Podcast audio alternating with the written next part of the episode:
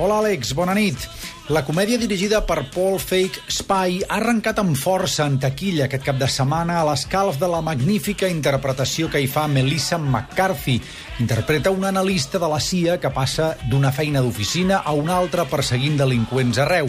La pel·lícula, si l'esperat èxit de públic ho confirma, pot esdevenir fàcilment una franquícia a construir al voltant d'una actriu que demostra talent en registres diferents, tot i l'entestament dels guionistes d'incorporar acudits fàcils de traç gruixut a la trama. McCarthy se'ns mostra alhora ansiosa, dèbil i entregada a agradar els que la rodegen i també víctima de la seva baixa autoestima, tot i la seva intel·ligència i capacitat. Quan surt de l'oficina, tanmateix, el personatge es transforma transforma i en el camí ens entreté, tot i que a vegades també el guió rellisca per avingudes poc clares que no es justifiquen.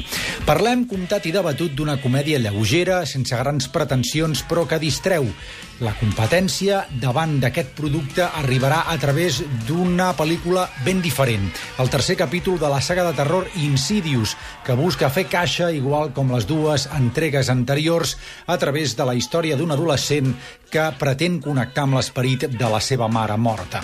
I entremig de tot això ens arriba Love and Mercy, la curiosa visió que el director Bill Pollard ens ofereix del músic Brian Wilson i els seus Beach Boys quan triomfaven a la dècada dels 60. Bé, aquest és el paper atorgat a Paul Dano, el del músic als 60, perquè dues dècades després l'encarregat d'interpretar el músic és John Cusack, eh, un Cusack que es veu atrapat per un terapeuta que li fa més mal que bé i el que dona vida a Paul Giamatti. La pel·lícula esdevé una excursió melancòlica a la Califòrnia del passat, combinada amb el drama interior d'un geni musical que malda entre establir-se amb l'amor de la seva vida o superar una teràpia perillosa.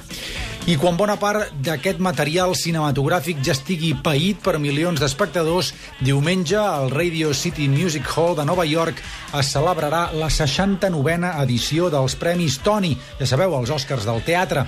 I per establir una connexió ràpida amb la gran pantalla, totes les travesses ja apunten a que la incombustible Helen Mirren aconseguirà un Tony a millor actriu pel seu rol com a reina Elisabet II al drama biogràfic de Peter Morgan, The Audience. I si és el cas, potser seria el moment sí de felicitar-la si guanya, demanar-li també, si us plau, si us plau, que prou d'interpretacions de reines d'Anglaterra.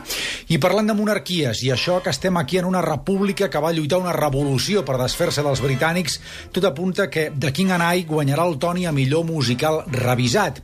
El premi a millor musical té molts números per recaure, en canvi, en An American in Paris. Això és tot per aquesta setmana, Àlex. Bona nit.